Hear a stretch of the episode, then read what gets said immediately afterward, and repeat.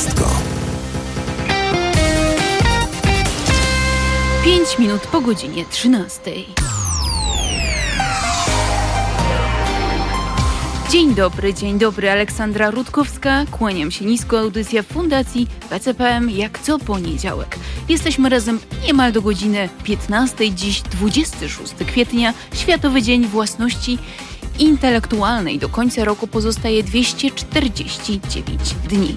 Imieniny obchodzą Erwina, Marzena, Ryszard i Mariusz. Życzymy wszystkim wszystkiego najlepszego i krótka kartka z kalendarza. E, najpierw ze świata, bardzo dawno, 121 rok. Tego dnia właśnie Marek Aureliusz, cesarz rzymski, pisarz, filozof, przyszedł na świat.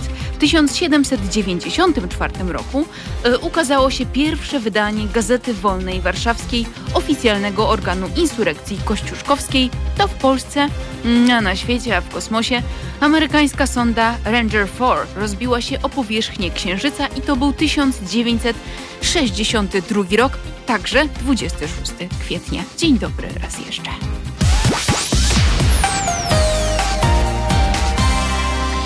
Drodzy Państwo, i zaczynamy. Dziś rozmawiamy o pieniądzach. Pieniądzach, które są potrzebne, by pomagać. 235 e, milionów ludzi, a więc jedna osoba na każde 33 na całym świecie potrzebuje pomocy. E, to mówił nam raport Global Humanitarian Overview tegoroczny. To potężny wzrost 40% e, w związku z rokiem ubiegłym. Wtedy jedna na 45 osób takiego wsparcia potrzebowała i to już wówczas był najwyższy wynik od dziesięcioleci. Jakie to wyzwania niesie dla fundraisingu i czym fundraising jest? O tym będziemy rozmawiać z moimi dzisiejszymi gościniami, bo pieniędzy e, potrzeba bardzo dużo. E, z tych 235 milionów, 160 milionów potrzebuje natychmiastowej, pilnej pomocy, jak ocenia e, ONZ. I żeby móc zabezpieczyć e, pomoc dla tych 160 milionów, potrzeba aż 35 miliardów dolarów. Mówię aż, ale no, myślę, że w trakcie naszej e, audycji dziś okaże się, że to aż wcale nie jest, mm, nie jest tutaj słuszne i konieczne, ale o tym opowiedzą moje dzisiejsze gościnie Zofia Kwolek, w drugiej części programu Michalina Hachuła, e, kobiety, które zajmują się fundraisingiem, współpracą z biznesem, współpracą z donorami, kim jest donor, jak stać donorem, się o tym też powiemy w dzisiejszej audycji Fundacji PCPM. Zatrzymajmy się nad tym, e, jak pomagać, ale jakimi środkami to czynić i skąd te środki tak naprawdę możemy brać. O tym dziś, drodzy Państwo, będziemy rozmawiać. Jeśli macie ochotę dołączyć się do tego, bardzo proszę. Telefon 22 39 059 22 komunikujmy się, rozmawiajmy o tym wspólnie. Jest też inna szansa, e, szansa poprzez SMS o treści halo. Tutaj jest treść SMS-a pod numer 7148. 7148 SMS trafia do nas, a my razem go wspólnie potem czytamy. W ten sposób możemy się także e, komunikować. Serdecznie do tego zapraszam. I drodzy Państwo, e, zaczynamy naszą audycję. Zostańcie z nami.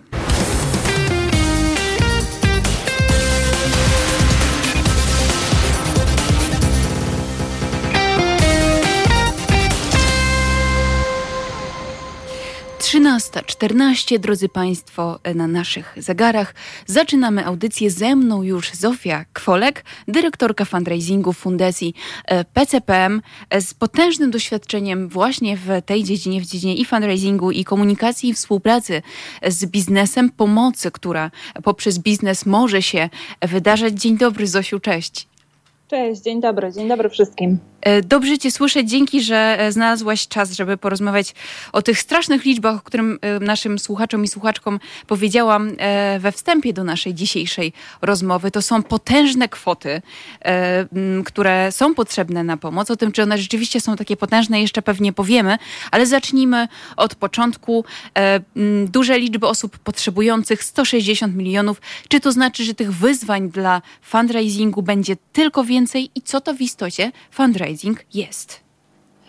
No, ten rok jest szczególny y, i to było widać już na samym początku. Y, ja zawsze na początku roku oglądam y, i czytam takie dwie publikacje, które się ukazują. Obie dotyczą pomocy humanitarnej. I jedna to jest publikacja, taki raport International Rescue Committee. To jest organizacja, która niesie pomoc humanitarną, i oni wskazują takie punkty zapalne na świecie i po prostu piszą, gdzie będzie, na co trzeba zwrócić uwagę, na jakie kryzysy humanitarne, gdzie się może dziać źle, gdzie ta pomoc będzie potrzebna.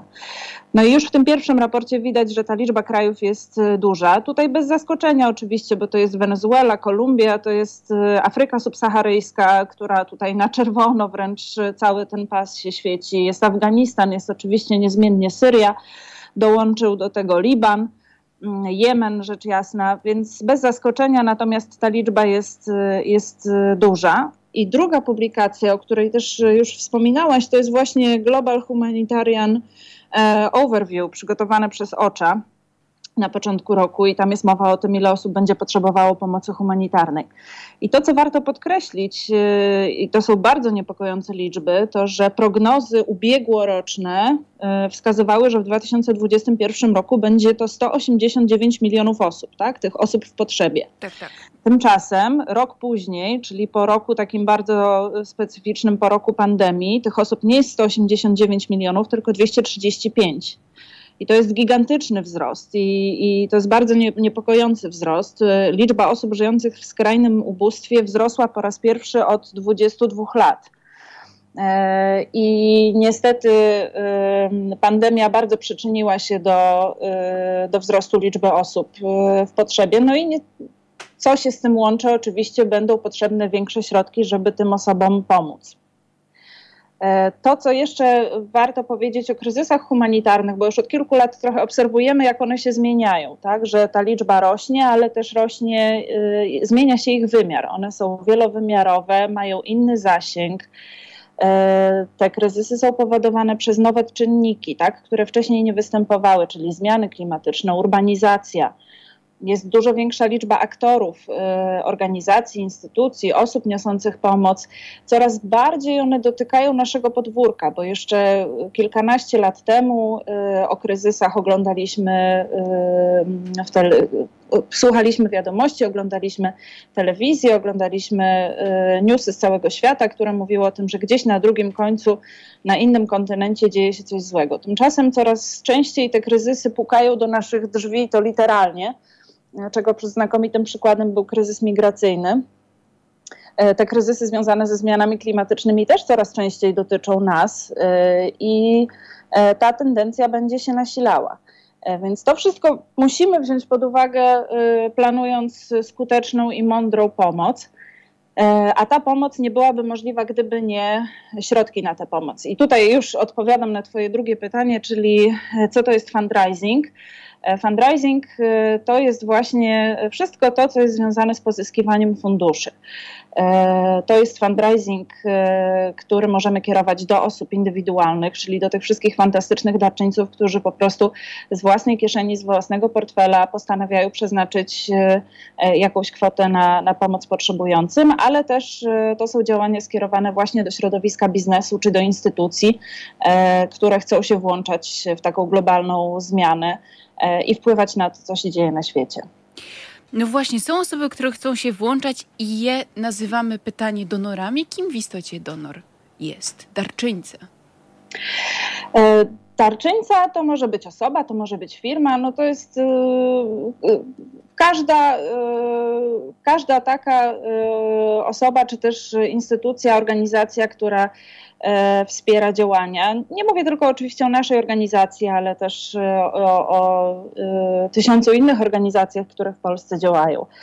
To są po prostu ludzie dobrej woli, ludzie, którym nie są obojętne problemy, z jakimi zmagają się inni albo z jakimi zmaga się świat, bo to przecież mogą być, może to być nie tylko pomoc osobom, to może będzie pomoc zwierzętom, to może być pomoc obszarom chronionym. W przypadku PCPM oczywiście jest to pomoc humanitarna i rozwojowa, bardzo specyficzna działka tej pomocy, ale y, absolutnie y, taki darczyńca sam sobie wybiera cel, jaki chce e, wesprzeć. I też z tego mojego doświadczenia już kilkunastoletniego widzę, że taka liczba darczyńców, osób, które chcą się angażować w sprawy społeczne, jest coraz większa. I to bardzo cieszy. Bardzo cieszy, bardzo dobrze jest to e, słyszeć. E, pojedyncze decyzje decy e, powodują, że mm, te środki są zbierane, pojedyncze akcje, ale to jest tak naprawdę jakiś, jakaś mikroczęść większej, rozbudowanej, szerokiej struktury, e, którą ty się od, od kilkunastu lat zajmujesz. Jak to wygląda od kulis?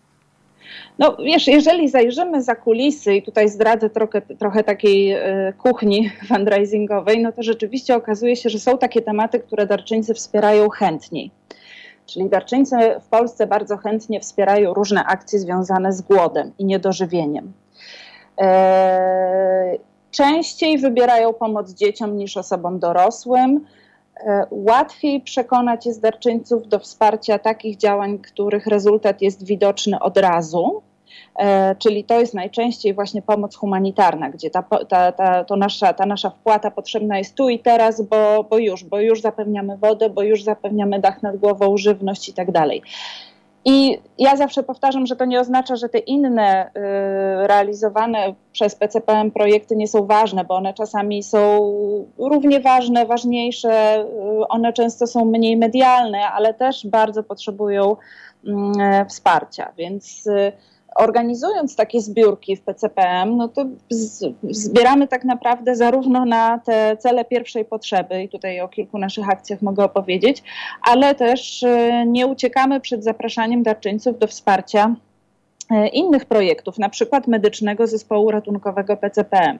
E, medyczny zespół ratunkowy, o nim wiem, że już też miałaś e, audycję, no to jest taki zespół, który odpowiada na kryzysy humanitarne i jeździ w miejsca, gdzie się wydarzyła katastrofa humanitarna. W zeszłym roku był na sześciu misjach związanych z COVID.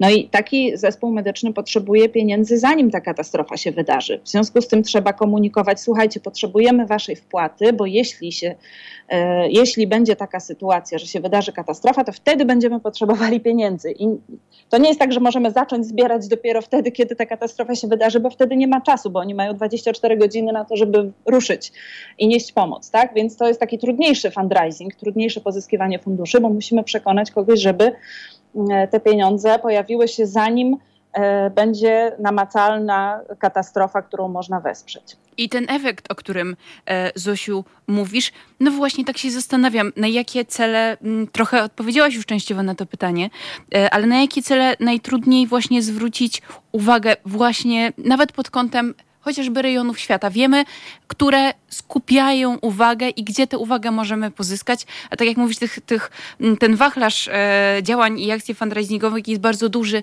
i nie dotyczy tylko e, kwestii niedożywienia czy głodu. E, jak, na, jako, mhm. na, na troskę na jakie cele najtrudniej tę uwagę mm, zwrócić pod kątem już chociażby geograficznym?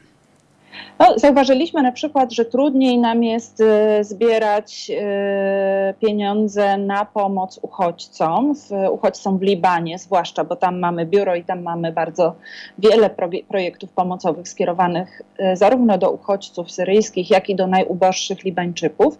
No i trudno powiedzieć, czy to jest tak, że po prostu ta wojna w Syrii, która już trwa 10 lat, ona już tak bardzo przebrzmiała, jest tak mało medialna i tak być może już tak często się spotykaliśmy z tym tematem, że nie widzimy potrzeby, żeby po 10 latach cały czas pomagać, tak?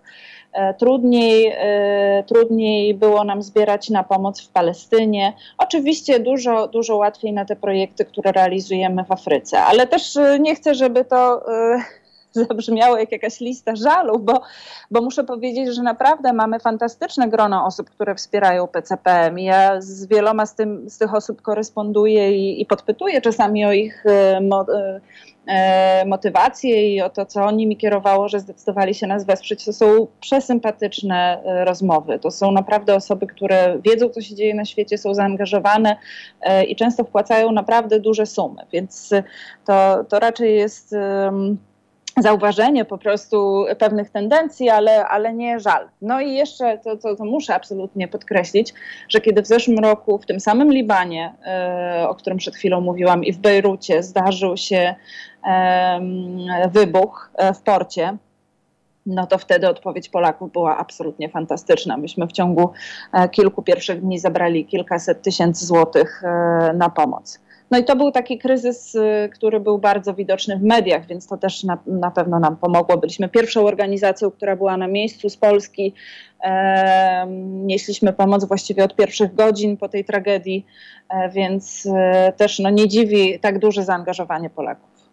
Fantastycznie jest, e, jest to słyszeć.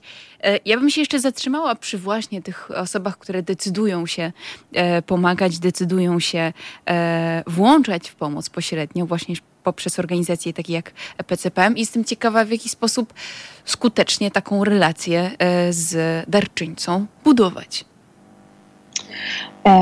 Większość naszych darczyńców to są osoby, które wpłacają nam darowizny online czyli y, to są osoby, które wchodzą sobie na naszą stronę internetową pcpm.org.pl, po ukośniku wpisują nazwę kraju, czy to jest Liban, czy to jest Etiopia, czy to jest Sudan i decydują się na tę formę wsparcia.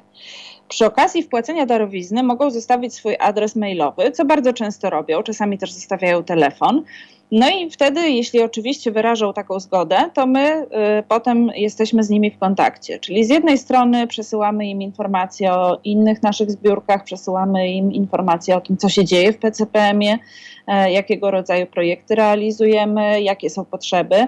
E, więc y, tutaj myślę, że bardzo ważne jest takie właśnie budowanie relacji z gronem e, darczyńców e, naszej organizacji. No i oczywiście trochę inaczej wyglądają te relacje, jeśli mówimy o firmach, z którymi współpracujemy, bo mm, PCPM wspiera też całkiem sporo firm. Niektóre robią to na zasadzie wsparcia tak zwanego in-kind, czyli na przykład użyczają nam bezpłatnie samochody, jeżeli te samochody są potrzebne, a niektóre w, po prostu przekazując nam wsparcie finansowe, jak na przykład partner medycznego zespołu ratunkowego, czyli firma T-Mobile. Tak, to jest firma, która właśnie stwierdziła, że my wiemy, że te pieniądze będą potrzebne, jak ta katastrofa się wydarzy. Chcemy być waszym partnerem i zabezpieczyć wasze potrzeby pod tym kątem.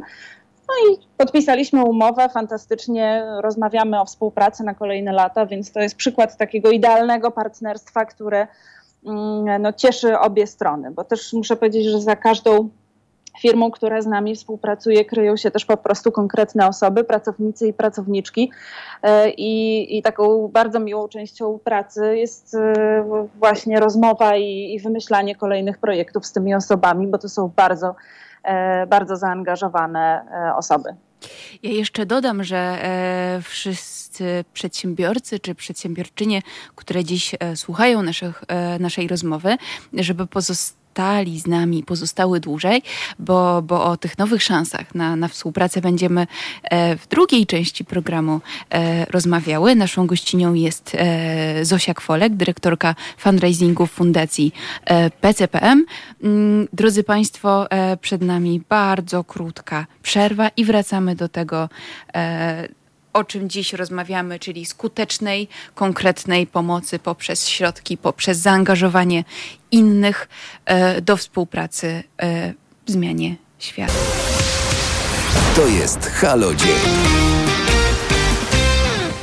13.29, drodzy Państwo, audycja Polskiego Centrum Pomocy Międzynarodowej. Przed mikrofonem Aleksandra Rutkowska, kłaniam się nisko i pozwolę sobie na zaproszenia.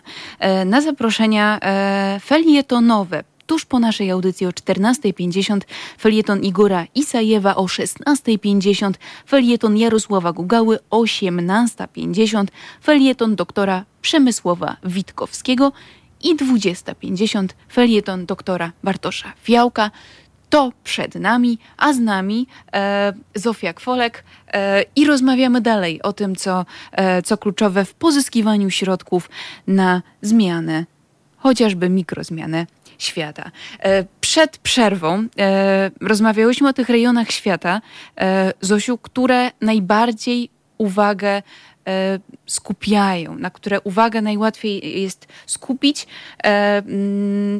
Cel, celem jednym z takich celów jest walka z niedożywieniem i głodem. mm, te skutki pandemii, e, zmiany klimatu, o których zresztą też mówiłaś, także urbanizacja, wpływają na systemy żywnościowe na całym świecie. Wymogi finansowe dotyczące bezpieczeństwa żywieniowego w przypadku apeli humanitarnych wzrosły do 9 miliardów dolarów w 2020 roku, czyli, czyli rok temu one już wzrosły. E, I zastanawiam się, czy coraz trudniej pozyskuje się te środki, mm, biorąc pod uwagę chociażby ten ostatni e, rok, rok, który wywrócił wszystko do góry nogami? Wiesz, myślę, że jest tak, że część naszych darczyńców, których te skutki pandemii dotknęły, po prostu uderzyły po kieszeni, e, rzeczywiście mogła zrezygnować z e, przekazywania wsparcia. I, I, ja to rozumiem. Oczywiście, jakby wszyscy widzą że są pewne działy gospodarki, które, y, które pandemia szczególnie dotknęła, zamknięte restauracje, zamknięte firmy, punkty usługowe, więc, więc oczywiście y, ja rozumiem, że, że są to osoby, które, które na chwilę y, przestały nas wspierać, ale być może do nas wrócą, jak sytuacja wróci do normalności. Natomiast e, cieszymy się, że cały czas jest e, rosnące i, duże grono osób, które, które wspiera nasze działanie, które widzi, że te rzeczywiście skutki pandemii u nas odczuwalne w niektórych miejscach na świecie są odczuwalne 10 razy bardziej. Bo jeżeli na przykład chociażby powiemy o Etiopii, gdzie my mamy projekt dożywiania dzieci w szkole, E, no to tam absolutnie nie ma mowy o, o żadnej nauce zdalnej. E, I kiedy szkoły zostały zamknięte mniej więcej tak jak u nas, bo na wiosnę po raz pierwszy, e, to pozostawały zamknięte aż do października i tych lekcji po prostu nie było, bo nie ma tam możliwości prowadzenia nauki zdalnej, przynajmniej w większości. E, szkół. Może kilka szkół jest e, zamożnych czy prywatnych w dużych miastach, e, gdzie, gdzie dzieci miały naukę, ale tak to po prostu dzieci siedziały w domu, więc miały wielomiesięczną przerwę w nauce pisania, czytania, kontaktu z rówieśnikami. Mm, I, I, kiedy mówimy o pomocy właśnie w takim miejscu, no to musimy absolutnie brać te czynniki pod uwagę. I dlatego bardzo się cieszę, że, że nasi darczyńcy nie zawiedli i w zeszłym roku udało nam się zebrać kwotę, która pozwoliła na wybudowanie przy, przy tej szkole kuchni i stołówki. Także jak w końcu e, Ministerstwo Edukacji Etiopii otworzyło szkoły i dzieciaki wróciły do nauki w październiku, no to razem z e, początkiem lekcji e, dzieci zaczęły dostawać w tej szkole posiłki. I jak ja byłam w Etiopii rozmawiałam zarówno z nauczycielami, jak i z dziećmi, z rodzicami, no to słyszałam bardzo często taką historię, że po prostu dziecko tego posiłku ciepłego y, obiadu nie je, dlatego że rodzina nie ma pieniędzy, żeby taki obiad y, sfinansować. E, często przez to rezygnuje z nauki i nie idzie do szkoły, pomaga rodzicom e, często w zarabianiu pieniędzy, czy to jest zbieranie chrustu, czy, czy wypasanie bydła czy takie inne podstawowe prace e, dla, dla sąsiadów za, za jakąś niewielką opłatą. No a przez to, że udało nam się otworzyć stołówkę, kuchnię i sfinansować te obiady, no to y, cała nasza szkoła dostaje y, codziennie y, obiady. I to, co jeszcze warto powiedzieć, to że rok posiłków dla jednego dziecka w naszej szkole to jest 1500 złotych czyli 12 miesięcy, tak, 1500 zł. Więc łatwo to przeliczyć na y, na przykład na, na inne kwoty, jakby co moglibyśmy sfinansować za 1500 zł. Łatwo też to pomnożyć y, i zaprosić jakąś firmę do wsparcia, tak, która by może chciała wesprzeć nie jedno, ale troje, może pięcioro, może dziesięcioro dzieci. Dla wielu firm, dla, dla wielu, wielu firm, firm to nie są duże kwoty. Mm, więc y, ta szkoła cały czas y, potrzebuje naszej pomocy. To jest tak, że my już wybudowaliśmy stołówkę i wybudowaliśmy kuchnię, no ale nasze dzieciaki muszą jeść codziennie. Więc jeżeli wśród nas są osoby, które chciałyby wesprzeć, albo są szefowie firm, które chciałyby się zaangażować w taki projekt dożywiania e, dzieci w szkole Selam Hora w, w Debre Berham w Etiopii, to jest w stanie Amhara, to zapraszam na stronę pcpm.org.pl ukośnik Etiopia, e, albo zapraszam po prostu do kontaktu ze mną e, i, i ja chętnie porozmawiam o tym, jak firma albo osoba mogłaby się zaangażować. 1500 zł i rok pomocy. No, brzmi to naprawdę imponująco i wydaje się też, że ta kwota nie jest aż tak, e, tak wysoka, biorąc pod uwagę, jak szeroko możemy pomóc. Tak, i, i to jest tak, że oczywiście my teraz jesteśmy w tej jednej szkole, e, ale jeżeli się okaże, że ta liczba darczyńców jest e, większa, to y, mamy nadzieję dotrzeć do większej liczby placówek, mamy nadzieję otoczyć opieką y, dużo większą liczbę dzieci, być może rozpocząć nowe projekty. W tym roku zarejestrowaliśmy nasze biuro w Etiopii, więc y, też no, jesteśmy gotowi, żeby absolutnie te nasze działania na miejscu rozszerzyć. Mamy znakomitą współpracę z e, naszą placówką dyplomatyczną i, e, no i chcemy tam na pewno robić więcej niż robimy. Pozostaje tylko konkretnie działać pcpm.org.pl. Ja pozwolę sobie dodać, bo ostatnio na, na stronie PCPM pojawiły się zdjęcia właśnie ze wspomnianej przez ciebie e, e, Zosiu e, stołówki. E, I to, mhm. co jest imponujące, myślę, że fajnie byłoby naszym słuchaczom i słuchaczkom opowiedzieć, to w jaki sposób ta e, stołówka, e, ta, którą ty miałaś okazję widzieć, funkcjonuje w czasie pandemii. Ten social distancing jest imponujący to po prostu działa profesjonalnie. tak. Tak, tak, tak. Y, to ja jeszcze powiem w ogóle, jak wygląda ta szkoła, dlatego że to nie jest jakiś budynek, y, w którym są klasy, tylko właściwie każda klasa ma wejście z zewnątrz i jest takim oddzielnym y, jakby pomieszczeniem, z którego drzwi prowadzą po prostu na podwórko. Jest tam niewielki plac zabaw.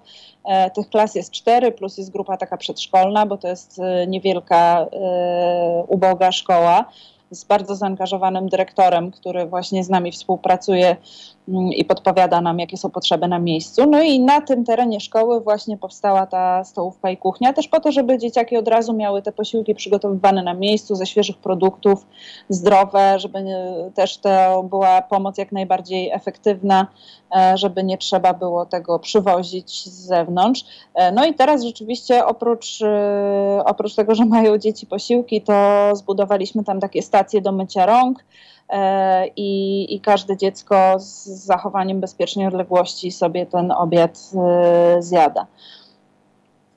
To jest konkretne działanie, które e, udało się, udało się którego efekty widzimy e, na zdjęciach, którego efekty widziałaś e, na miejscu, będąc w Selamchora, w szkole Selamchora, ale często zanim, zacznie, zanim jest ten sukces, zanim jest to, to, to spełnienie, jest bardzo, bardzo dużo, dużo pracy koncepcyjnej, bardzo często z fundraisingiem wiążą się konkretne kampanie.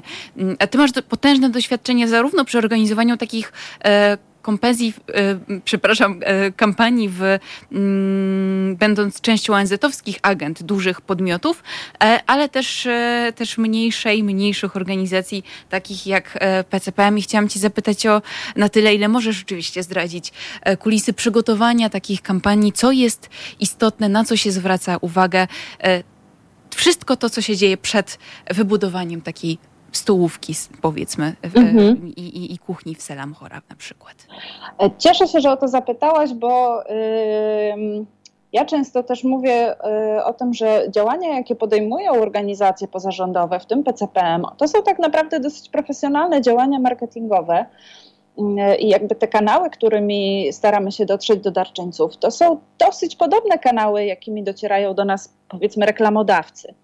Natomiast różnica jest podstawowa. My nie mamy na to budżetu, z reguły żadnego, albo ten budżet jest bardzo niewielki. Więc y, przy, przy okazji tego pytania ja bym chciała powiedzieć o tym, że jest cała masa fantastycznych osób e, i firm, które nas wspierają. Nie będę tutaj ich wymieniać, bo nie o to chodzi. One są wymienione na naszej stronie internetowej. Jeżeli ktoś ma ochotę, to zajrzy, zapraszam. E, które udostępniają nam bezpłatnie powierzchnię reklamową, czas antenowy, e, nośniki reklamy zewnętrznej. E, I muszę powiedzieć, że naprawdę za każdym takim działaniem kryje się osoba, której zależy i którym los naszych dzieciaków nie jest obojętny.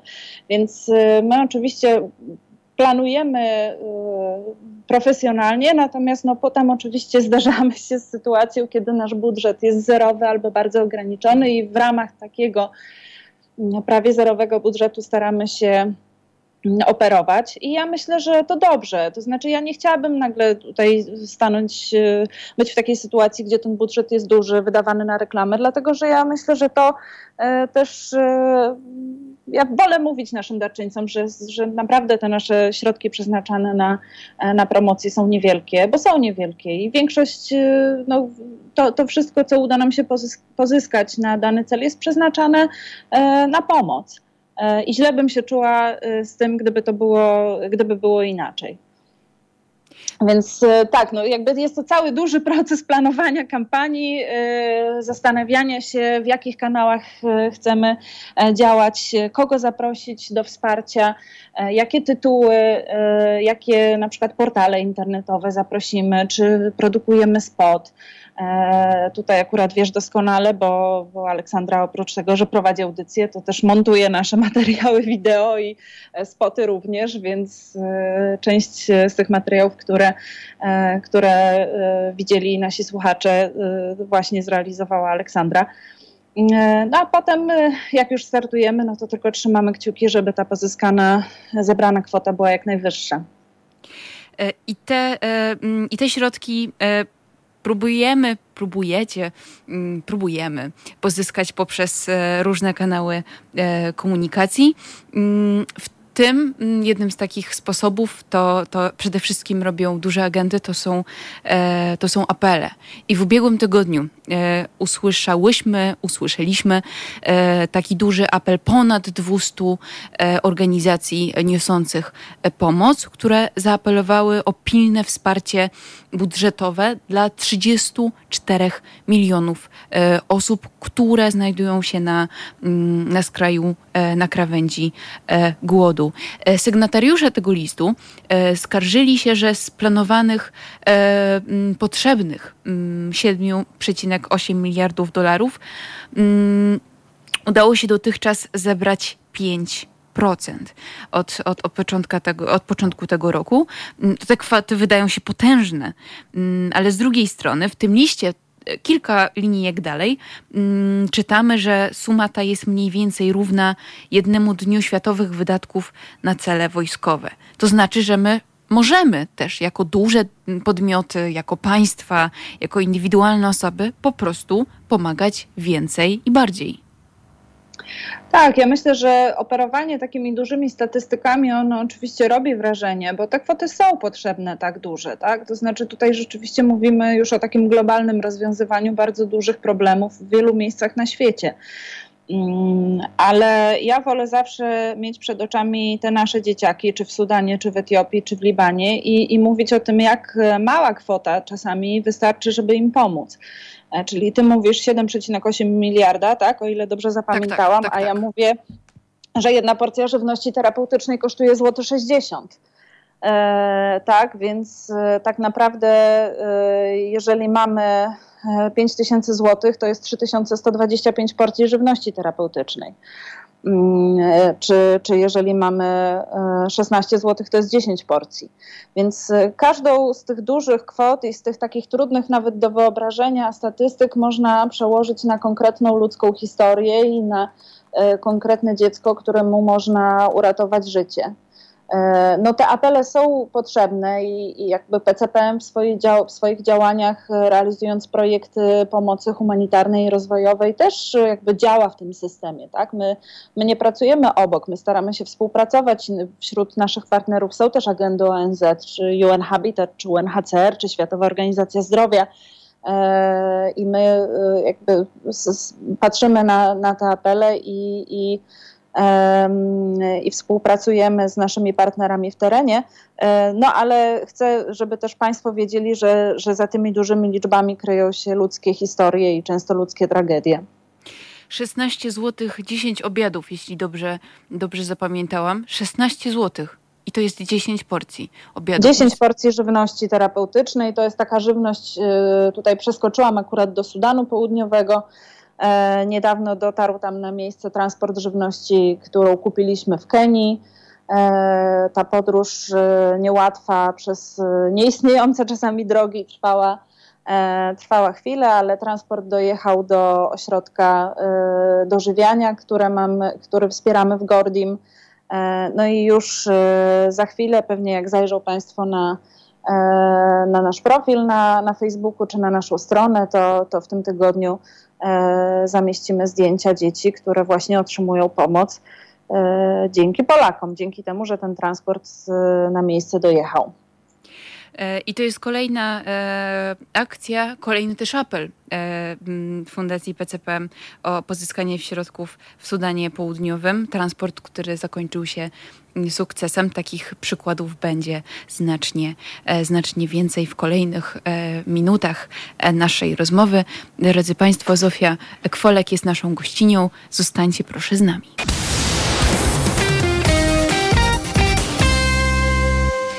13.51 na naszych zegarach. Audycja Fundacji PCPM.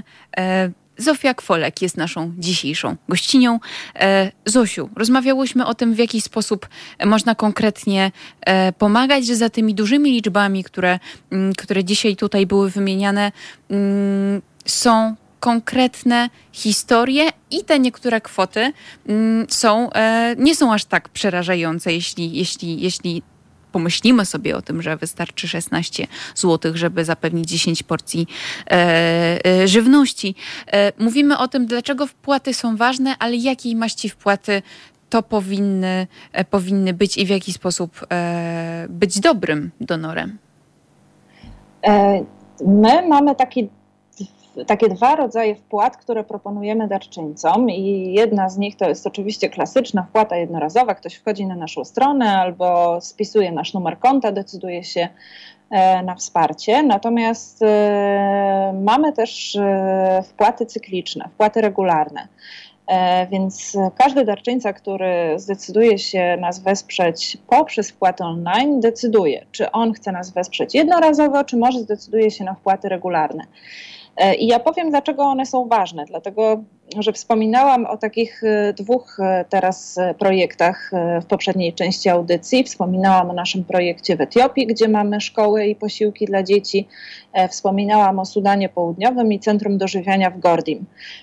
To jest tak, że PCPM prowadzi swoje projekty długofalowo. To nie jest tak, że my ad hoc pomagamy tutaj i potem w jakimś innym miejscu i za chwilę w jakimś innym miejscu. To jest tak, że my podejmujemy zobowiązania długofalowe i chcemy y, no, zmienić y, życie całej tej społeczności, poprawić je y, na lepsze. I to nie jest tak, że my za, za parę miesięcy zamkniemy ten projekt dożywiania. My chcemy go prowadzić cały czas.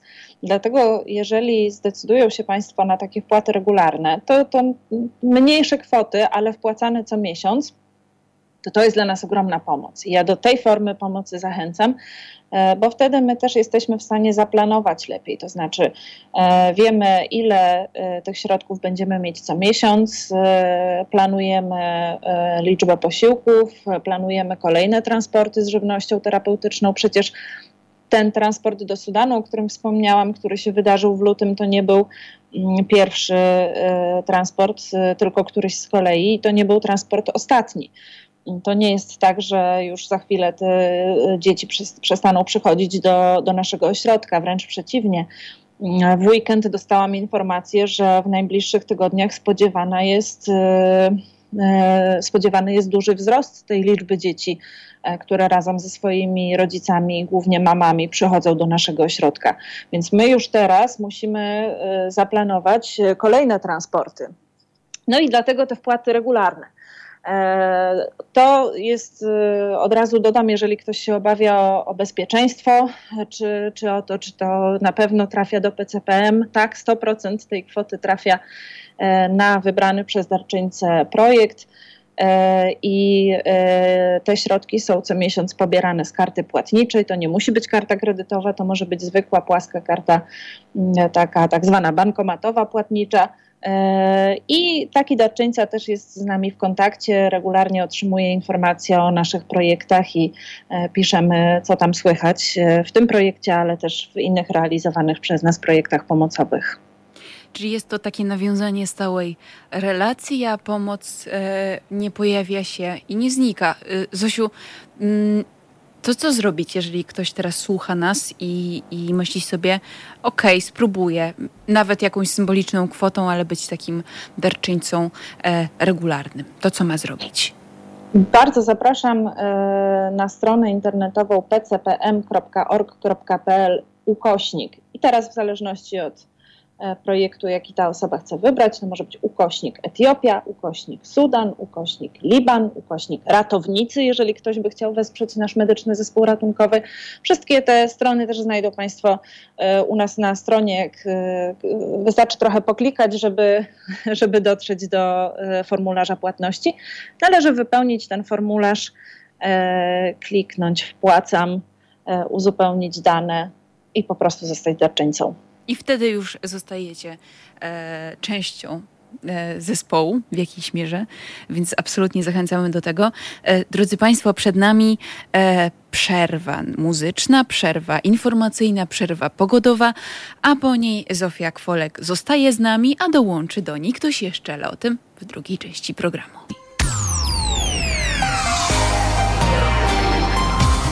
Aleksandra Rutkowska, kłaniam się nisko. Audycja Fundacji PCPM to druga godzina, którą spędzimy wspólnie. Do godziny niemal 15 dziś jesteśmy, a dziś, czyli 26 kwietnia, w Światowym Dniu Własności Intelektualnej. Do końca roku, drodzy Państwo, pozostaje nam 249 dni, ale dziś imieniny obchodzą Erwina, Marzena, Ryszard i Mariusz i to im dziś chcemy złożyć najlepsze życzenia. Zatrzymujemy się jeszcze przez chwilę na kartce z kalendarza. E, bardzo, bardzo daleko odpłyniemy w przeszłość 121 rok. E, tego dnia Marek Aureliusz, cesarz rzymski, pisarz i filozof, urodził się.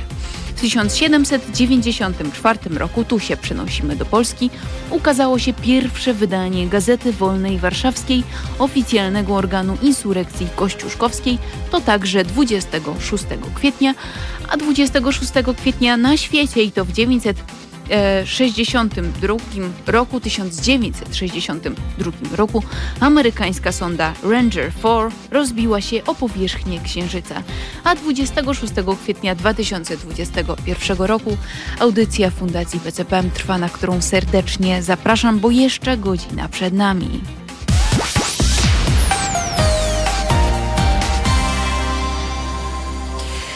A z nami cały czas e, Zofia Kwoleka, do niej dołącza kolejna nasza gościni, kolejna rozmówczyni, e, Michalina Hachuła, specjalistka do spraw fundraisingu. Zofia z Michaliną przygotowują szereg kampanii, szereg projektów, które potem kończą się konkretnymi działaniami, o których rozmawiałyśmy w pierwszej części, konkretnymi miejscami, którym udało się pomóc, takim jak Centrum Dożywiania Gordim, czy takim jak stołówka w Selam Chora. Mm, dzień dobry Michalino, piękne dzięki, że jesteś z nami. Cześć, bardzo się cieszę, że dołączyłam.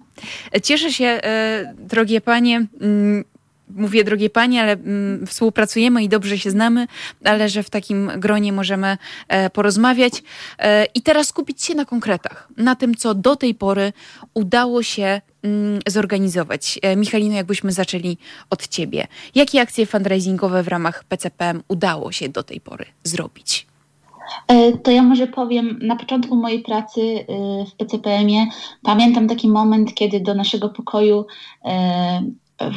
e, wbiegła tak naprawdę bardzo zadowolona pracowniczka, właściwie e, Agnieszka z, z właśnie misji libańskiej i, i powiedziała, że udało się, że, że właśnie mamy mieszkanie dla, dla Mahera, takiego chłopca, który e, który cierpi, cierpi na przepuchlinę rdzeniową i właśnie dzięki, dzięki darczyńcom, dzięki takiej mobilizacji e, udało się przenieść całą jego rodzinę z rodzeństwem i z rodzicami do, do mieszkania, plus no, sfinansować potrzebne leki e, i inne rzeczy, które, które po prostu są potrzebne na bieżąco. I, i, to, I to była pierwsza sytuacja tak naprawdę na początku mojej pracy, która, która mi pokazała, co to tak naprawdę znaczy e, być, być częścią PCPM-u.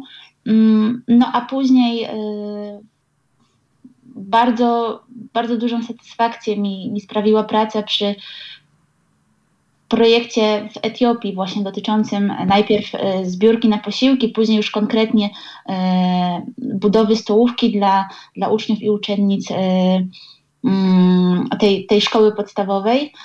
No i to pokazało właśnie ogromną solidarność mimo pandemii. Co zresztą pozwoliło nam na planowanie tego projektu, nad którym pracujemy teraz i który, i który ogłosiliśmy, czyli program Dobry Partner PCPM kilka dni temu. I o tym programie, drogie Panie, będziemy jeszcze rozmawiały, więc prosimy koniecznie zostać z nami. E, Zosiu, jakie, jakie te akcje fundraisingowe, które mm, dla Ciebie mm, największą satysfakcją, e, satysfakcję Ci sprawiły, mogłabyś do tej listy e, Michaliny dorzucić? E, rzeczywiście fajnie, że Michalina przypomniała mi e, o Macherze e, i, i to był chłopiec, jeszcze tylko dodam, który mieszkał z tą rodziną w namiocie. Dlatego Michalina mówi o przeniesieniu go do mieszkania, dlatego że to był, to jest rodzina uchodźców z Syrii, która z ciężko chorym, małym dzieckiem musiała mieszkać w namiocie. Mm, e, ale takich rodzin e, jak rodzina Mahera było więcej w Libanie i my często też organizowaliśmy i organizujemy zbiórki właśnie dla konkretnych rodzin. E, ja jeszcze pamiętam, że nawet wewnętrznie wśród pracowników któregoś roku z okazji Świąt Bożego Narodzenia zrobiliśmy zbiórkę dla, dla pani Sabat. To była taka starsza pani, zresztą właśnie nie uchodźczyni z Syrii, ale pani, która jest Libanką i która była w bardzo trudnej sytuacji, bez właściwie wsparcia najbliższej rodziny. Więc my jako pracownicy postanowiliśmy z okazji świąt nie obdarowywać się prezentami w biurze, tylko właśnie e, zebrać na, na pomoc e, dla niej. E, ta, ten Sudan i ta Etiopia to są chyba takie e, dwie największe zbiórki, które prowadzimy no, już od paru lat e, właściwie, bo pierwszy raz ja w Etiopii byłam pod koniec 2019 roku i to są projekty, które na pewno będziemy kontynuować. Ale pamiętam też taką zbiórkę dosyć oryginalną, bo jakiś czas temu zbieraliśmy na ziemię dla jednego z ośrodków w Palestynie. E, to jest ośrodek, który zajmuje się taką uprawą hydroponiczną i tam oprócz tego właśnie eksperymentował z różnymi nasadzeniami e, roślin i potrzebował, zabrakło im po prostu ziemi do tych nasadzeń. Więc to jest taka mądra pomoc, to znaczy my jakby dawaliśmy wędkę, a nie rybę, bo przekazaliśmy środki właśnie na zakup tej ziemi i to były środki zebrane akurat na Facebooku przez naszych darczyńców. E, właśnie dziś rozmawiamy o, o darczyńcach, ale tutaj słowo dla darczyńców ja też pozwolę sobie e, dorzucić, bo mi, e, Zosiu, ta, ta akcja przypomniana teraz przez ciebie też taką, taką refleksję nasunęła, że mm, większość projektów z taką uwagą na, na planetę Ziemię. Niedawno Światowy Dzień Ziemi obchodziliśmy. Myślę, że to też warto, żeby nasi darczyńcy wiedzieli, że my mm, to, w jaki sposób Ziemia zmienia się, dostrzegamy i staramy się to przy przekuwać i na projekty, i na zbiórki, tak jak drodzy Państwo e, słyszycie. E, to są te, te akcje organizowane. Mm, które udało się w ramach PCP e, wspólnie e, Wam realizować. E, Michalino, ja bym zapytała Ciebie, bo w pierwszej części z Zosią rozmawialiśmy o kulisach pracy w fundraisingu. Ja bym chciała zapytać, jak, jak to wygląda z Twojej perspektywy?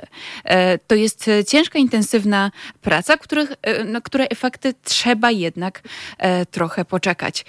Jak wygląda Twoja praca w PCPM w tym właśnie sektorze?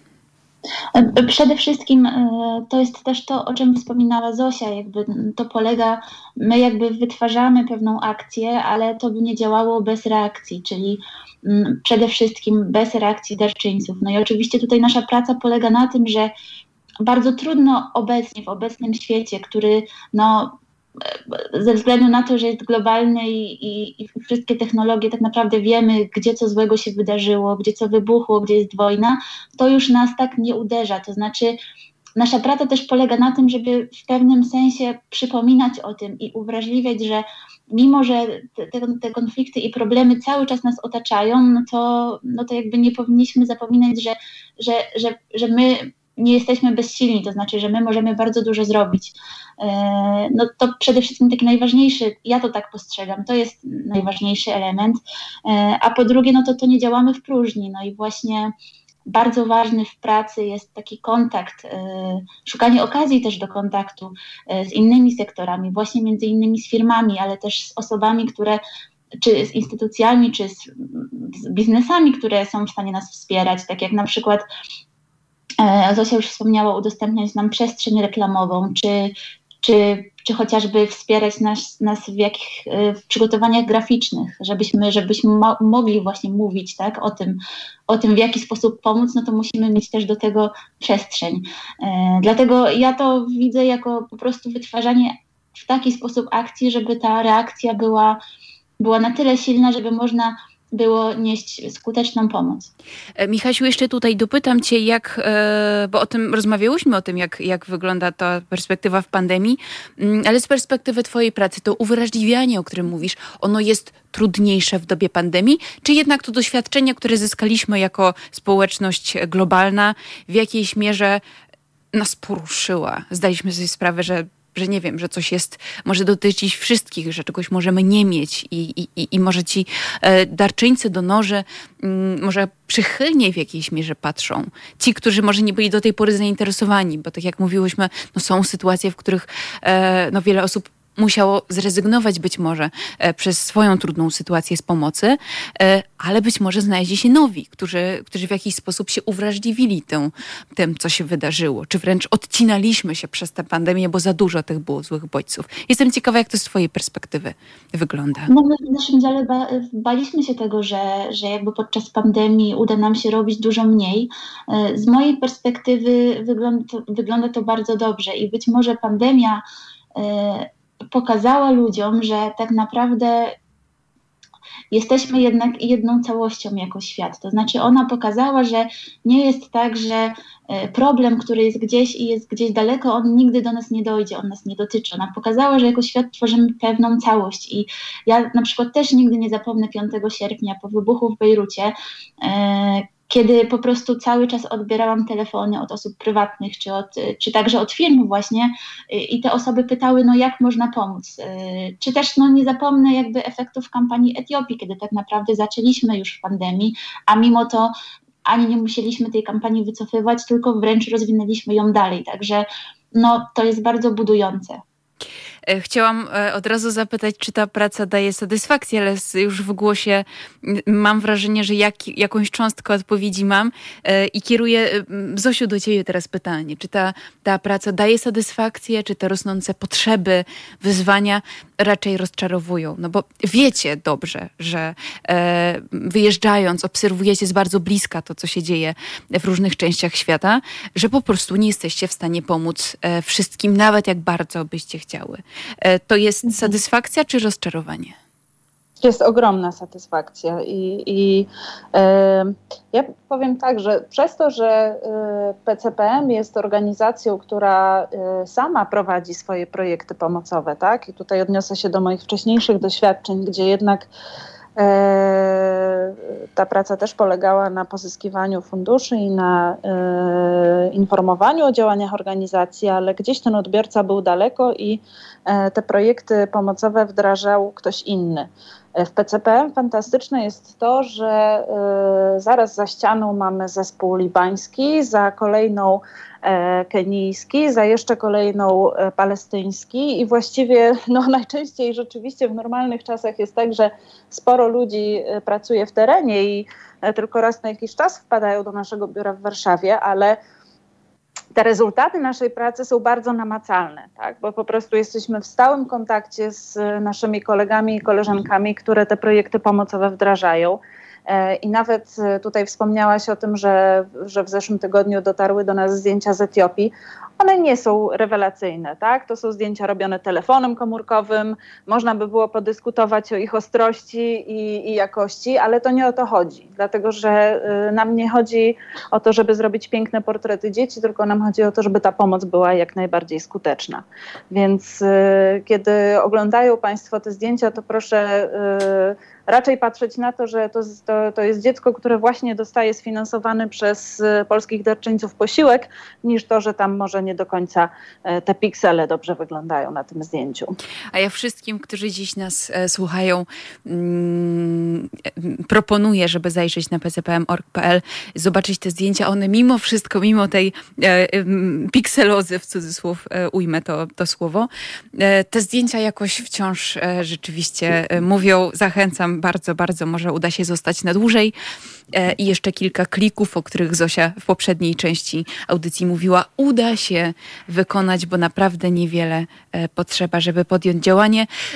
Żeby jeszcze konkretnie zapytam Was, Michasiu, e, konkretny projekt, na którym dziś e, pracujecie. Zapowiedziałyśmy go, myślę, że to jest dobry moment, żeby, e, żeby opowiedzieć, co to znaczy mm, dobry partner PCPM, co się kryje pod tym tajemniczym hasłem. To ja zacznę od tego, że dobry partner PCPM to jest taki program, który zakłada poprawę życia konkretnych rodzin i społeczności dzięki współpracy naszej fundacji z biznesem. Dokładnie z sektorem małych i średnich przedsiębiorstw, czyli z osobami prowadzącymi działalność na własny rachunek, z przedsiębiorstwami na przykład rodzinnymi, które zajmują się jakimś rzemiosłem albo usługami, czy, czy też inną działalnością. E, no, program zrodził się z tego, że jakby mamy potrzebę rozwijania tej współpracy z firmami, przede wszystkim też z tymi, które już zdecydowały się nam zaufać i przekazać e, darowiznę, ale także z tymi, które mm, być może dopiero na ten krok się zdecydują. E, I stworzyliśmy to w taki sposób, żeby było to proste, e, ale żeby też firma, która przystąpi do programu, e, zdawała sobie sprawę z tego, że ona sama może tak naprawdę wybrać konkretny cel w konkretnym miejscu, e, na które chcia, w którym tak naprawdę chciałaby się podzielić e, swoim zyskiem i, i go wesprzeć. I polega to na tym, że ten cel trzeba wybrać przeznaczyć kwotę, którą można na to przeznaczyć i do nas napisać. E, I to też nie jest tak, że my oczekujemy, że małe rodzinne firmy czy tam średnie przedsiębiorstwa mm, będą nam przekazywały konkretne kwoty, to znaczy bardzo duże, za które my będziemy robiły ogromne projekty. Ponieważ to jest to, o czym wy rozmawiałyście na początku, że tak naprawdę e, ta pomoc poza granicami Polski jest często tańsza, a przez to bardziej efektywna. No i w krajach, które dotknął jakiś kryzys, małym nakładem sił można naprawdę wiele osiągnąć. E, więc tutaj mówimy o kwotach powiedzmy rzędu 2015 tysięcy złotych, które w konkretnym miejscu przy, przyniosą zmiany dla konkretnej osoby lub na przykład dla społeczności, tak jak społeczność uczniów e, w Etiopii. Mm, no i to jest też tak, że jakby korzyści z tego, gdy, gdybym miała graficznie przedstawić korzyści z tego programu, to bym musiała narysować takie koło yy, i na obrzeżach tego koła po prostu narysować kilka punktów, ponieważ tak naprawdę po pierwsze, jest to korzyść dla osób, które to wsparcie otrzymują. No i tutaj jest sprawa bardzo prosta: albo ktoś otrzymuje posiłek, albo go nie otrzymuje. E, po drugie, firmy, które wspierają nasze projekty albo zdecydują się na takie wsparcie, mm, mogą o tym mówić, a nawet powinny, żeby klienci, którzy kupują jakieś produkty lub korzystają z jakichś usług, zdawali sobie sprawę, że to jest tak, że kupują jeden z wielu produktów dostępnych na rynku, ale akurat tej firmy, która, która po prostu się angażuje w cele ważne społecznie. Mm, jakby też tendencje obecne wśród konsumentów pokazują, że ten akurat aspekt działalności firm staje się także dla Polaków coraz bardziej ważny, no bo już ponad 50% badanych w różnych ankietach na ten temat y, przyznaje się otwarcie, że właśnie uwzględnianie celów społecznych y, powinno być stałym elementem y, działania przedsiębiorstw. No i też przyznaje, że jest w stanie kupić taki produkt o wiele chętniej niż produkt firmy, która się w działania nie, nie angażuje. Mm, no i po drugie, y, po trzecie, tak naprawdę, takie korzyści też my otrzymujemy, ponieważ jakby dając zaplecze do takich działań, y, zyskujemy na nie środki, także jakby możemy wszystko sobie dokładnie zaplanować. Y, no i, no i to i na tym tak naprawdę ta współpraca polega. E, win-win chciałoby się powiedzieć. E, Zosiu, czy ty byś chciała do tego projektu coś jeszcze nam dołożyć? Ja może jeszcze y, taka rzecz mi przyszła do głowy, bo ona się często pojawia w y, pytaniach od y, osób i od firm. Czy PCPM przyjmuje dary rzeczowe?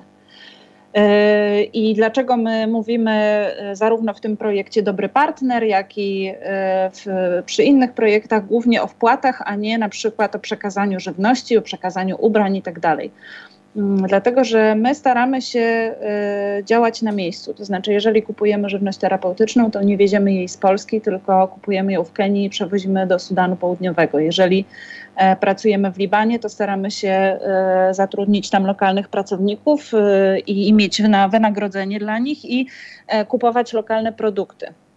Przewożenie na duże odległości z kontynentu na kontynent byłoby dużo droższe i e, często taki koszt transportu by przewyższał e, wartość takiej darowizny, więc jakby mądrzejsze i bardziej efektywne jest po prostu działanie na miejscu. Więc to jest jedna rzecz, bo być może takie pytania czy takie wątpliwości wśród słuchaczy i słuchaczek się pojawiają. A druga rzecz, myślę, że Michalina tutaj super podsumowała, mm, ten projekt, to jest gdzie znaleźć więcej informacji o tym projekcie, E, my uruchomiliśmy stronę internetową pcpm.org.pl ukośnik dobry partner. E, Michalina jest e, koordynatorką tego projektu, więc też z nią się można zawsze skontaktować i, i dowiedzieć się więcej. I do tego jak najserdeczniej e, zachęcamy.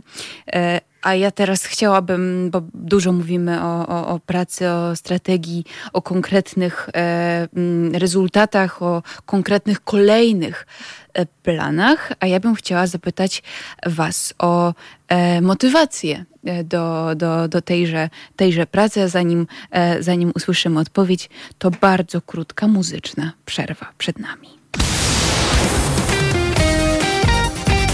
Halo Radio. Mówi wszystko. 14.31. E, chciałabym powiedzieć w moim studiu, ale jeszcze przez pandemię nie w studiu. Łączymy się, mam nadzieję, że to także nadrobimy. Ze mną e, Zofia Kwolek i Michalina Hachuła, zespół fundraisingu Fundacji PCPM. Rozmawiamy o tym, jak pozyskiwać środki e, na to, żeby one realnie wpływały na zmianę e, świata. Przed muzyczną przerwą e, mm, wspomniałam, że zapytać będę chciała Was e, o motywację. Michał, jakbyśmy zaczęły e, od Ciebie, jak to się stało i dlaczego? E, tak, e, ja mam takie trzy główne elementy, dla których bardzo lubię pracę w PCPM i bardzo ją szanuję. E, po pierwsze jest to zespół, tak jak już rozmawiałyście wcześniej i to wybrzmiało, no to są ludzie, którzy e, często tak naprawdę tylko wpadają do biura, ale wraz z tym, jak wpadają, to wnoszą ze sobą bardzo dużą energię e, i, i też wiedzę o tym, co akurat dzieje się w miejscu, z którego przyjechali. No i widać w nich też ogromną pasję, która, jak wiemy, jest zaraźli- pasję do pracy, która jest zaraźliwa. E, po drugie, nasza fundacja nie jest, e, nie jest wielką e, organizacją. Wbrew, te, wbrew temu, że działamy szeroko, to tak naprawdę no nie, jest to, nie jest to ogromna fundacja, co z kolei pozwala na, na po prostu naukę i na podejmowanie nowych wyzwań. To znaczy, że nie robię cały czas tego samego, tylko mogę, mogę tak naprawdę sprawdzić się w rzeczach, których być może w większej, większej organizacji nie miałabym okazji nawet dotknąć. Mm, no a po trzecie, to nasze projekty roz, są, są e, prowadzone w krajach, którymi ja też interesuję się naukowo e, i, i dzięki temu, że na przykład e, robimy, że działamy w Etiopii, czy, e, czy w Sudanie Południowym, czy w Libanie, e, czy w Palestynie, to ja mogę bezpośrednio mojego obszaru zainteresowań, mojego obszaru jakby badań naukowych dotknąć i, i poznać ludzi przede wszystkim z tych miejsc. E, no i czwarta taka, która jest, e, już chyba wybrzmiała też w tej rozmowie, no to jest to, że mamy po prostu możliwość niesienia pomocy i wsparcia. I to są konkretne, e, konkretne motywacje, tak jak słyszymy. E, Zofio, jak, jak u Ciebie to wygląda? Ja właściwie mogłabym się podpisać pod tym, co powiedziała Michalina. właściwie pod każdym punktem. I, I fantastyczne w PCPM jest to, że rzeczywiście jak my realizujemy projekty w Libanie, to mamy specjalistów, którzy znają się na tym regionie, mamy pracowników lokalnych, E, Libańczyków, którzy mają ogromną wiedzę od, których możemy się uczyć. E, w Kenii mamy e, afrykanistkę i mamy osobę, która po prostu się zna na tym regionie i zna język, podobnie jak pracownicy z innych miejsc, więc to jest wspaniałe. No i to, że rzeczywiście widzimy, jak każda wpłacona darowizna zamienia się potem w realną i konkretną pomoc. E, I to jest z jednej strony bardzo duża odpowiedzialność, e, bo kiedy zaczynamy jakiś projekt i na przykład wiemy, że żeby wyposażyć e, ośrodek dożywiania w żywność terapeutyczną albo zapewnić posiłki na cały rok potrzebna jest kwota X, tak, na przykład w szkole w Etiopii 50 tysięcy złotych, no to czujemy taką odpowiedzialność, czy się uda, czy będziemy mogli potem wrócić do dyrektora tej szkoły i powiedzieć, słuchaj, mamy to, ale z drugiej strony jest to też ogromna motywacja e, do pracy i ogromna satysfakcja, jak już się uda. E, ja też sobie pozwolę się podpisać pod tymi e, motywacjami, a co audycja Fundacji PCPM, więc z przyjemnością wielką to czynię. Rozmawiamy o tym, mm, mm, o tym, co wewnątrz, ale te współprace odbywają się na zewnątrz, mm, współpraca z biznesem ale nie tylko z biznesem, nie tylko z pojedynczymi darczyńcami. E, Zofiu, i to do ciebie e, pytanie, jak takie współprace też do, z osobami, które cieszą się estymą w społeczeństwie albo taką mm, są dość, e, dość znane mm, przestrzeni publicznej. takie współprace też masz na koncie i chciałam cię o te kulisy tej, tej współpracy właśnie zewnętrznej zapytać. E, przy, przy, różnego rodzaju e, naszych akcjach my rzeczywiście staramy się dotrzeć mm, do osób, które byłyby zainteresowane tematem. E, I często zapraszamy do współpracy blogerów, e, osoby, które e, znają się na tym regionie, osoby, które z jakiegoś powodu mm, są bardziej znane niż, niż my jako pracowniczki, które być może zechciałyby u siebie udostępnić taki nasz apel. I rzeczywiście najczęściej spotykamy się z bardzo pozytywnym odbiorem naszych działań. Tutaj tylko wymienię na przykład Salam Lab, czyli niegdyś islam islamista, czyli osoby, które zajmują się właśnie Bliskim Wschodem i, e, i krajami arabskimi, które bardzo często udostępniają informacje. E, blog Family Without Borders i Anna Albot, która też e, zna PCPM i bardzo chętnie udostępnia. No nie, tutaj nie sposób jest wymienić rzeczywiście wszystkich, ale um, jak już się uda nam dotrzeć, bo czasami nie jest to łatwe, do, e, do takiej osoby, to z reguły spotykamy się z bardzo pozytywnym odbiorem e, i chcemy też te działania rozwijać. E, więc jeżeli wśród nas są osoby, które chciałyby u siebie udostępnić nasze treści, to prosimy o kontakt. Bardzo chętnie takie materiały dla Was przygotujemy. Zdecydowanie, zdecydowanie zapraszamy. Mm, mówiłyśmy w na samym początku tej części o, o, motywacjach.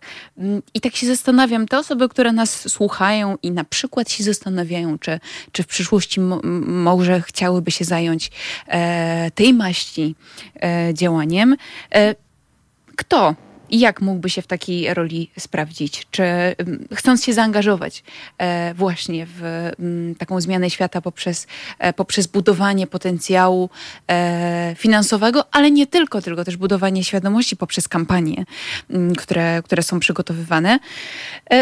No to co jest potrzebne? Co, co, co trzeba byłoby zrobić? Może zacznijmy, Michalina, od ciebie. E, pytasz o cechy, które taka osoba powinna... Tak, tak. Co by się, co, co by się przydało? Jakie osoby mogą szukać miejsca dla siebie? Myślę, że fajnie, jak taka osoba dobrze orientuje się e, w takich trendach i nowinkach technologicznych, e, które ten fundraising mogą rozwijać i wspierać i, i jakby pozwalają docierać do, do coraz to nowych kręgów odbiorców. Mm, bo być może na pewno nie wszystkie kanały już e, i jeszcze są zagospodarowane. Mm, po drugie, chyba taka wrażliwość e, na komunikację i na to, żeby no, też jakby tą pomocą e, nie odbierać pewnej podmiotowości osobom, którym pomagamy. To są takie dwie kluczowe cechy, które moim zdaniem są istotne. Czy do tej listy, Zofio, coś byś dorzuciła? Ja bym powiedziała, że w zasadzie każdy, kto chciałby pomagać, to może to y, robić, dlatego że e, przypomina mi się taka moja wymiana e, maili z panem, który bardzo regularnie wpłaca nam dość duże kwoty. Y, I właśnie podpytywałam go, jaka jest jego motywacja. I powiedział, że no, na co dzień to pracuje mm, gdzieś tam w korporacji, że nie ma za dużo czasu, ale właśnie od kiedy znalazł PCPM i, i zainteresował się tym, co robimy, no to e, ma takie przekonanie, że te wpłacane kwoty Mm, czyli coś, co on może robić, tak, z powodu tej, e, tej e, małej, mało, że nie, mam, nie ma czasu za dużo, nie, nie wyjedzie pomagać nam w Libanie, czy nie pojedzie z nami do Iraku, ale ma takie poczucie, że jak wpłaca nam te kwoty, to to się przekłada na realną pomoc. I tak naprawdę mam wrażenie, że do każdej osoby i do każdej grupy jesteśmy w stanie dopasować projekt, bo nie wspomniałyśmy o tym z Michaliną, ale na przykład też Mm, w ostatnich latach angażowało się w nasze działania bardzo wielu studentów przez jakieś organizacje studenckie albo indywidualnie. E, Michalina wspomniała o tym, że chętnie byśmy skorzystały z pomocy grafików, którzy chcieliby dla nas przygotować jakieś treści. Korzystamy ze wsparcia wolontariuszy tłumaczy. Korzystamy z wsparcia tych wszystkich osób, które pracują w e, jakichś firmach i e, są w stanie rozprzestrzenić tę naszą wiadomość wśród swoich e, kolegów i koleżanek z pracy. Więc Wystarczy chęć, a, a już my potem podpowiemy, jak dopasować do tych chęci jakieś konkretne działanie i konkretną pomoc. Przede, przede wszystkim chęci.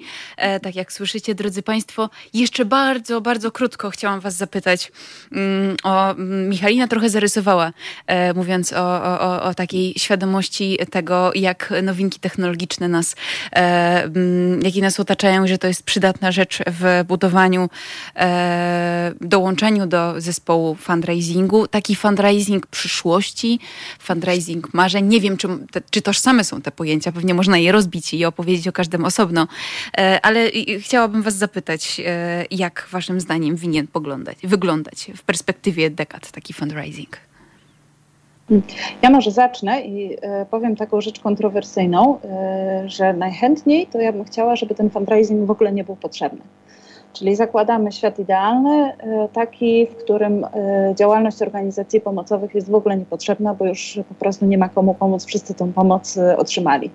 Więc to jest dla mnie taki, taki świat idealny, który wiadomo, że się nie przytrafi. Mm, a trochę wracając na ziemię, to, to jest współpraca z darczyńcami, którzy chcą pomagać, którzy mają otwarte serca, otwarte głowy i którzy wspierają nas regularnie. Michalina? Tak, ja już też, ponieważ też mam takie samo marzenie jak Zosia, ale żeby powiedzieć coś konkretnego, to pozostanę na ziemi.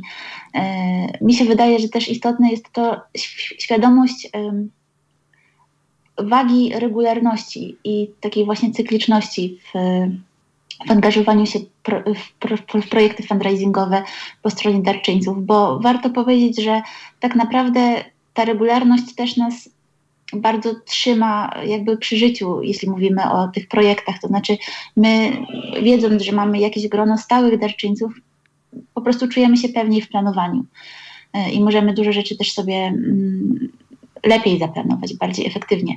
Więc ja tutaj myślę, że takim marzeniem to jest właśnie taka świadomość, że wsparcie nawet mniejsze, ale regularne jest bardzo wiele warte. Ja również e, zostaję e, z Wami na ziemi dziś. Ja zachęcam, przyłączam się do, do tego apelu e, mm, pomocy, pomocy regularnej mm, i pomocy, która rzeczywiście zmienia mm, świat, zmienia konkretne punkty na mapie świata, o czym dziś usłyszeliśmy w audycji Fundacji PCPM. Moimi gościniami była, były Zofia Kwolek i Michalina Hachuła. Przepięknie dziękuję Wam za to spotkanie dzisiejsze. Dziękujemy.